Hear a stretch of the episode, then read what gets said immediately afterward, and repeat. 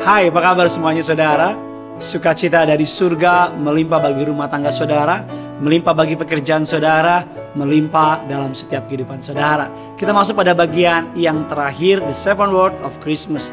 Tujuh perkataan mengenai Natal. Namun terlebih dahulu mari sama-sama kita tundukkan kepala, kita mau bersatu di dalam doa. Bapak yang baik, Bapak yang kami sembah dalam nama Tuhan Yesus, kami siapkan hati kami untuk sambut kebenaran firman Tuhan. Hambamu berdoa, agar firman Tuhan ini jatuh ke dalam hati mereka yang subur, bertumbuh, berbuah, berakar, menjadi rema, nama Tuhan saja yang dipermuliakan. Segala yang jahat kami cabut, kami patahkan kuasanya. Bahkan hambamu berdoa agar sepanjang hari ini setiap jemaatmu diberkati Tuhan. Di dalam nama Bapa, Putra, Roh Kudus, dalam nama Tuhan Yesus. Setiap kita yang siap diberkati, sama-sama kita katakan, Amin. Haleluya. Seven word of Christmas. Kita telah membahas tujuh kebenaran mengenai Natal. Yang pertama adalah Natal bicara mengenai salvation atau keselamatan. Natal bicara mengenai favor atau kemurahan Tuhan. Natal bicara mengenai bless atau diberkati. Atau Natal berikutnya bicara mengenai guidance atau tuntunan. Dan Natal bicara mengenai joy, kesukaan besar. Natal bicara mengenai redemption, penebusan. Dan hari kita akan bicara bagian poin yang terakhir. Injil Lukas 2 ayat 25 sampai 29. Sudah bisa lihat ayatnya di layar atau buka Alkitab saudara? Mari sama-sama kita baca. Adalah di Yerusalem seorang bernama Simeon. Ia seorang yang benar dan saleh yang menantikan penghiburan bagi Israel. Roh Kudus ada di atasnya dan kepadanya telah dinyatakan oleh Roh Kudus bahwa ia tidak akan mati sebelum ia melihat Mesias, yaitu Dia yang diurapi oleh Tuhan.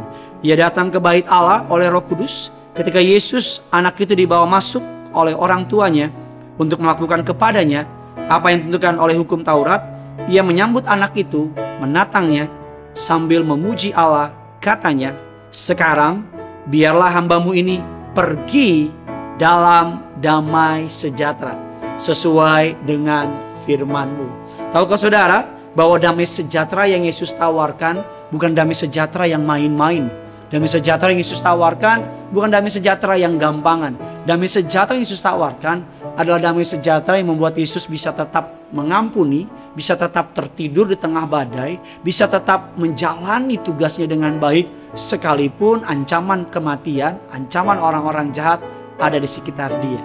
Mungkin saudara sedang mengalami masa-masa yang sukar, mungkin saudara sedang mengalami masa-masa yang sulit, tapi hari ini Yesus menawarkan damai sejahtera. Alkitab mengatakan, jagalah hatimu dengan segala kewaspadaan, karena dari situlah terpancar kehidupan.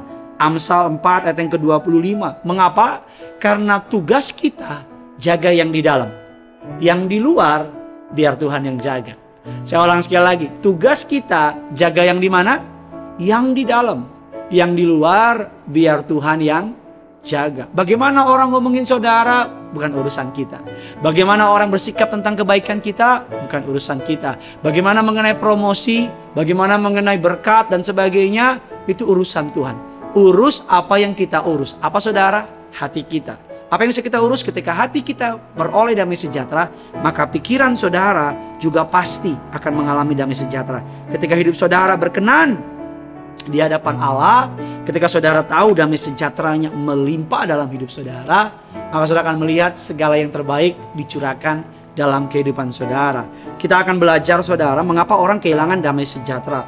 Yang pertama ketika orang kehilangan damai sejahtera akan menjadi gampang stres, mudah emosi, menjadi gampang kecewa, menjadi gampang putus asa, bahkan cenderung berpikir negatif, nekat, dan mengambil jalan pintas. Kalau saudara mempelajari yang membuat kapal tenggelam bukan air di sekitarnya, tapi yang membuat kapal tenggelam adalah ketika air masuk ke dalam kapal.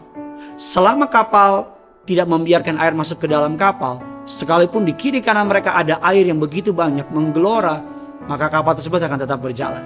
Selama saudara menjaga hatimu kepada Tuhan, selama saudara mengandalkan Tuhan dan menyerahkan semua permasalahanmu kepada Tuhan, maka selama itu saudara dan saya akan baik-baik saja. Alkitab katakan orang yang hidupnya mendahului Tuhan, orang yang hidupnya senantiasa mendahului Tuhan, mencari Tuhan dan mengandalkan Tuhan akan beroleh damai sejahtera yang seperti sungai yang tak putus-putusnya. Doa saya agar saudara boleh mengalami damai sejahtera yang indah. Doa saya agar dalam hidupmu ada damai sejahteranya Tuhan. Undang damai sejahteranya masuk ke dalam hati saudara. Undang damai sejahteranya memerintah dalam hidup saudara. Agar sepanjang hari ini engkau dan aku tidak stres, tidak takut, tidak khawatir. Karena saudara tahu Tuhan memelihara hidup saudara dan saya. Bagikan kabar baik ini sebanyak mungkin kepada orang-orang yang saudara kenal, biar nama Tuhan saja yang dipermuliakan. Di dalam nama Tuhan Yesus, kita berdoa dalam nama Tuhan Yesus. Amin.